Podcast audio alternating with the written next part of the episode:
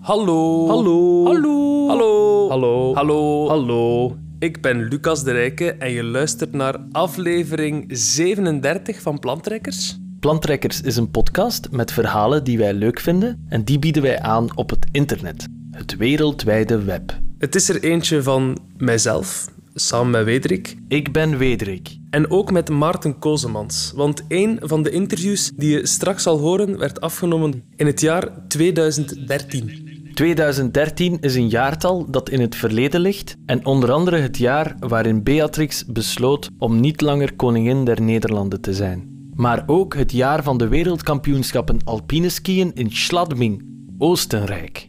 Fallacie. Vier stemmen, één verhaal over de moeilijkheden tijdens een bergbeklimming in Papua. Met Willy Trog, Wim de Bakker Rita de Bakker, en ook met de burgemeester van Willebroek. de oud-burgemeester van Willebroek, Mark de Laat. That's it. Veel luisterplezier. Daag.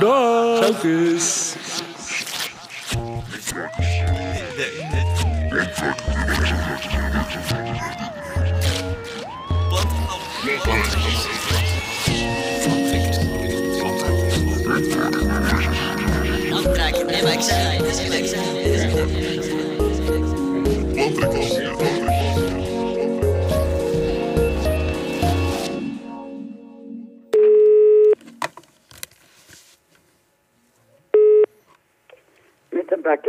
Hallo, spreek ik met Rita?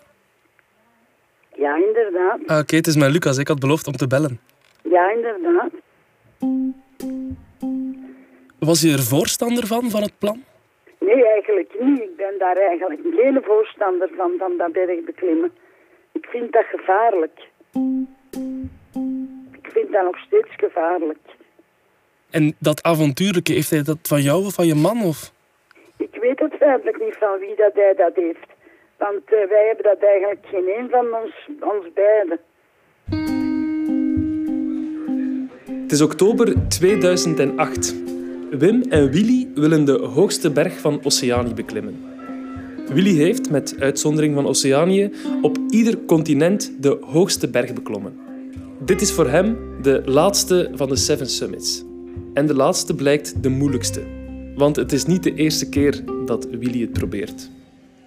Willy heeft inderdaad een eerste poging gedaan, maar wegens politieke strubbelingen ter plaatse, hè, dus gevechten tussen het Indonesisch leger en de Papa-rebellen, eh, zijn ze toen niet bij de berg geraakt. Ze zegden het is te gevaarlijk voor dood te trekken, er zitten allemaal rebellen. We hebben drie weken geprobeerd voor ergens dood te geraken en het lukte niet. We zijn terug naar België gekomen. En dan enkele jaar later eh, is Willy teruggegaan en heeft hij mij de vraag gesteld van, eh, ja, wil je niet meegaan? Voor mij zou het mijn eerste berg zijn van de Seven Summits. En ik heb dan maar ja gezegd, hè, uiteraard. Je kan eigenlijk alles regelen totdat je dan ter plaatse in Jayapura komt, waar je dan landt met een internationale vlucht vanuit Bali. Maar van daaraf is het echt eh, improviseren en een lokale vlucht trachten te charteren, een klein vliegtuigje trachten te charteren om in de jungle te geraken. En dan moet je daar inderdaad ter plaatse, eh, voorbij de laatste Indonesische politiepost, je gewoon echt met, met omkopen eigenlijk eh, erdoor kopen. En dan kom je direct, vijf, zes kilometer verder, kom je in het rebellengebied terecht van de Free Papua Movement. En daar is dan ook puur op de goodwill rekenen van, de- van de Papua-strijders, of dat ze je willen doorlaten of niet, en ook nog bijbetalen en zo. Dus dat is echt, eh, ter plaatse is het gewoon improviseren totdat je aan die berg raakt. We zijn eh, toegekomen in het, bij de officieren en ze gaven ons toelating. Ze zeggen, maar het is op eigen risico dat je de rebellen gaat tegenkomen, het rebellendorp. Want ze zeggen zelf, wij zelf komen daar niet. De officieren durven daar niet komen, de politie durft daar niet komen in dat dorp, omdat dat vol rebellen zit. Dat is een gebied van de rebellen eigenlijk. We zeggen, ja, we gaan toch proberen. Wij daar geprobeerd via dat dorp.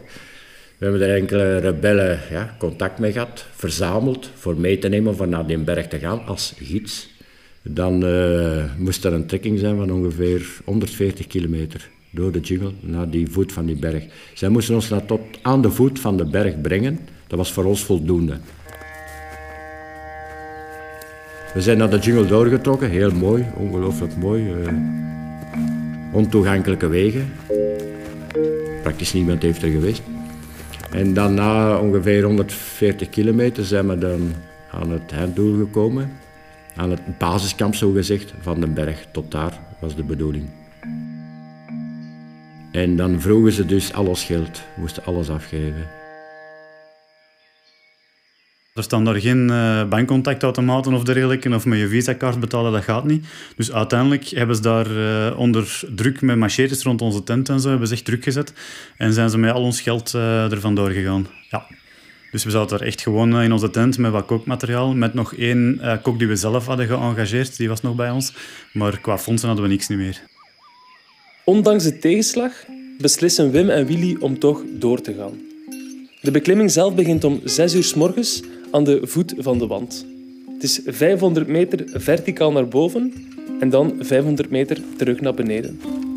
Het heeft iets absurd dat ze drie weken door een jungle in Papua lopen voor een klim die maar 12 uur duurt. Ze vertrokken om 6 uur s morgens en als het donker wordt, zijn ze terug bij het basiskamp. Dan kom je daar in het donker aan en dan zie je dat uh, de E-tent, er was een tweede tent die daar stond, een permanente tent, dat die helemaal ontmanteld was. We dachten eerst dat ze afgebrand was, maar dat bleek dat niet te zijn. Maar men had dus eigenlijk alles verder gestolen. Dus uh, die dragers die ons hadden verlaten, die waren teruggekomen dan overdag en die hadden dus effectief alles uh, gestolen van eten en, en dergelijke, en kookapparaten en dergelijke. Dus we zaten er echt wel vast aan. Dan konden we echt geen kant meer uit. Wij hadden geen eten meer, geen dragers niet meer. De route ja, is gekend door de dragers, niet door ons natuurlijk. Plus dat we dan door hetzelfde dorp zouden moeten terugkeren, door het, het rebellendorp, door diezelfde mannen die ons dan overvallen hadden. Dus ja, dat is gewoon een doodvonnis. We zouden zelfs niet uit de jungle geraakt zijn. Wim en Willy zitten vast. Het enige wat ze kunnen doen is aankloppen bij de Grasbergmijn. Het is de grootste goudmijn ter wereld. En die ligt op één dag wandelen van het basiskamp. De mijn is voor bijna 70% in handen van de Amerikaanse mijnbouwgroep Freeport-McMoran. België is toch ook bevriend met, uh, met de Amerikanen redelijk. Freeport Mine is een Amerikaanse mijn. Dus we hadden effectief wel gedacht dat men ons daar zou helpen.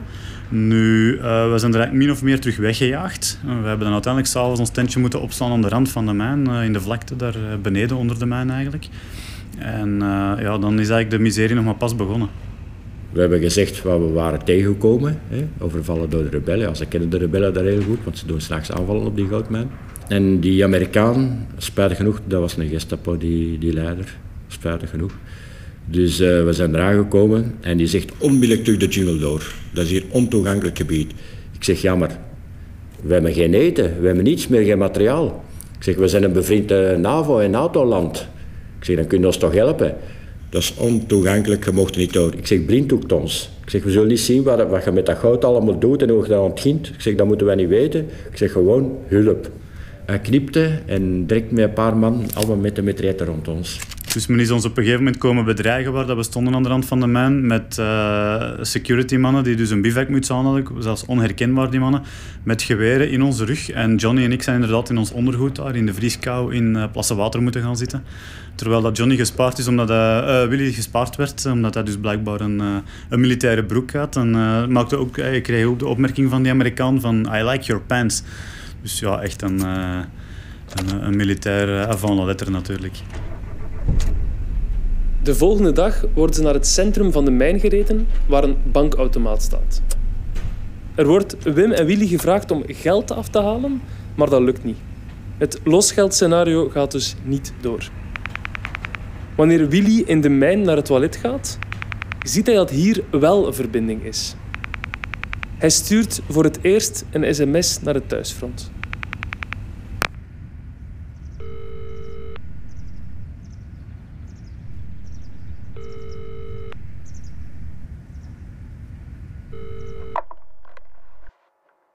uh, herinner mij nog dat ik s morgens vroeg de telefoon kreeg op de gsm van mijn zoon. En die zei dat ze dik in de problemen zaten. Dat ze vast zaten aan uh, de voet van de Kastuspyramide en aan de mijn. En of dat wij het ministerie van Buitenlandse Zaken wilden bellen en om te vragen om hulp om hen daaruit te halen.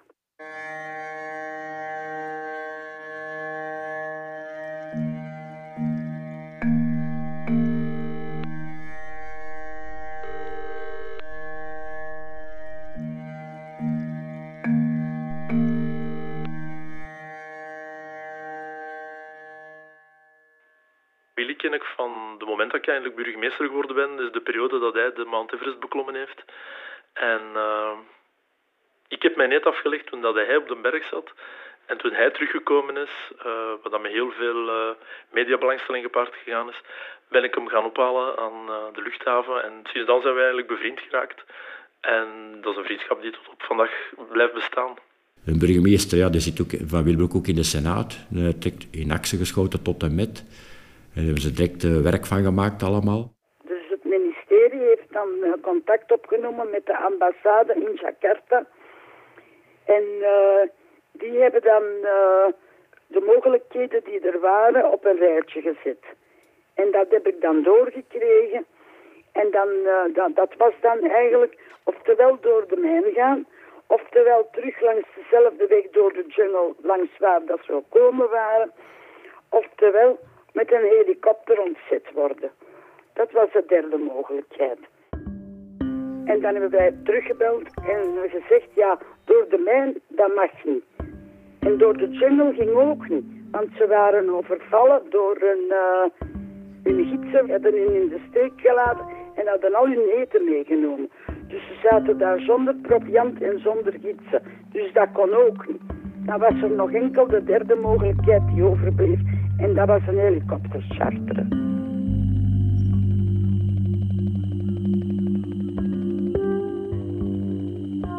We dachten dan, ja, we zijn hier weg, het gaat lukken. Uh, ze zijn al op de hoogte, ze weten ervan. Maar uiteindelijk dan de dag daarna stond effectief de politie aan onze tent. Dus we dachten van oké, okay, politie is door gans de mijn doorgaan om ons te komen halen. Die politie heeft ons moeten laten gaan. Uh, security heeft gezegd, jullie gaan hier niet weg. Dus de security van de mijn is eigenlijk machtiger dan, uh, dan de politie zelf van, van de Indonesische staat. En uiteindelijk hebben we daar dan uh, 13 dagen gezeten in totaal. Dus 11 dagen aan de mijn. We zijn dan terug naar het basiskamp gestuurd, omdat men zei van ja, maar de helikopter is betaald, is geregeld. Hij gaat jullie komen oppikken in het basiskamp. Maar dat heeft dan in het basiskamp nog twee dagen op zich laten wachten. Dus wegens weersomstandigheden, helikopterdefect blijkbaar. Hebben we ook allemaal maar achteraf gehoord, want we zaten natuurlijk volledig zonder communicatie.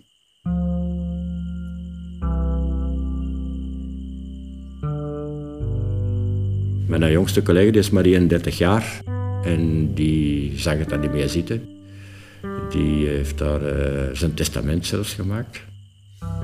Dan zegt Willy, ik kan niet in levend uitkomen en uh, ik ga sterven. Ik zeg, Wim, karakter hebben en uh, we komen hier wel uit. Hè. Die eerste dag kwam die helikopter daar niet door.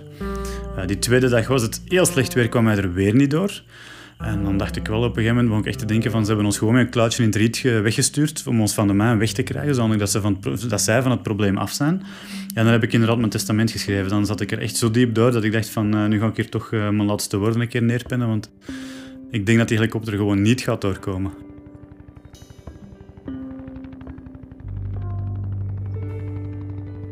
Maar dus uiteindelijk heeft men dan een helikopter gecharterd en zijn ze van een berg gehaald en zijn ze elf dagen later dan voorzien thuisgekomen, maar ze zijn goed thuisgekomen en ze zijn heel thuisgekomen. Van het moment dat we uitvlogen eigenlijk met de helikopter al, we over de mijn vlogen, want we hebben schitterende beelden ook genomen met de videocamera, dus over die mijn vliegen zelf, dat we zo echt met onze wijsvinger, zo van, onze middenvinger naar de mijn, zo van jongens, eh, ik ga de woorden hier niet gebruiken, maar dat je echt in euforie bent. Ook omdat het doel was om Willy zijn zevende summit te laten beklimmen. Dat was dan gelukt. We zijn er dan uiteindelijk uitgeraakt, levend en wel. Dus dat is toen volledig omgeslagen. Ja, dat was echt uh, direct ook gebeld naar de familie thuis en zo. Dat we veilig waren, dat alles in orde was en dat we dan wel trouwens zouden geraken. Dat was fantastisch gewoon. Dat gevoel was wel dat was enorm. Ja.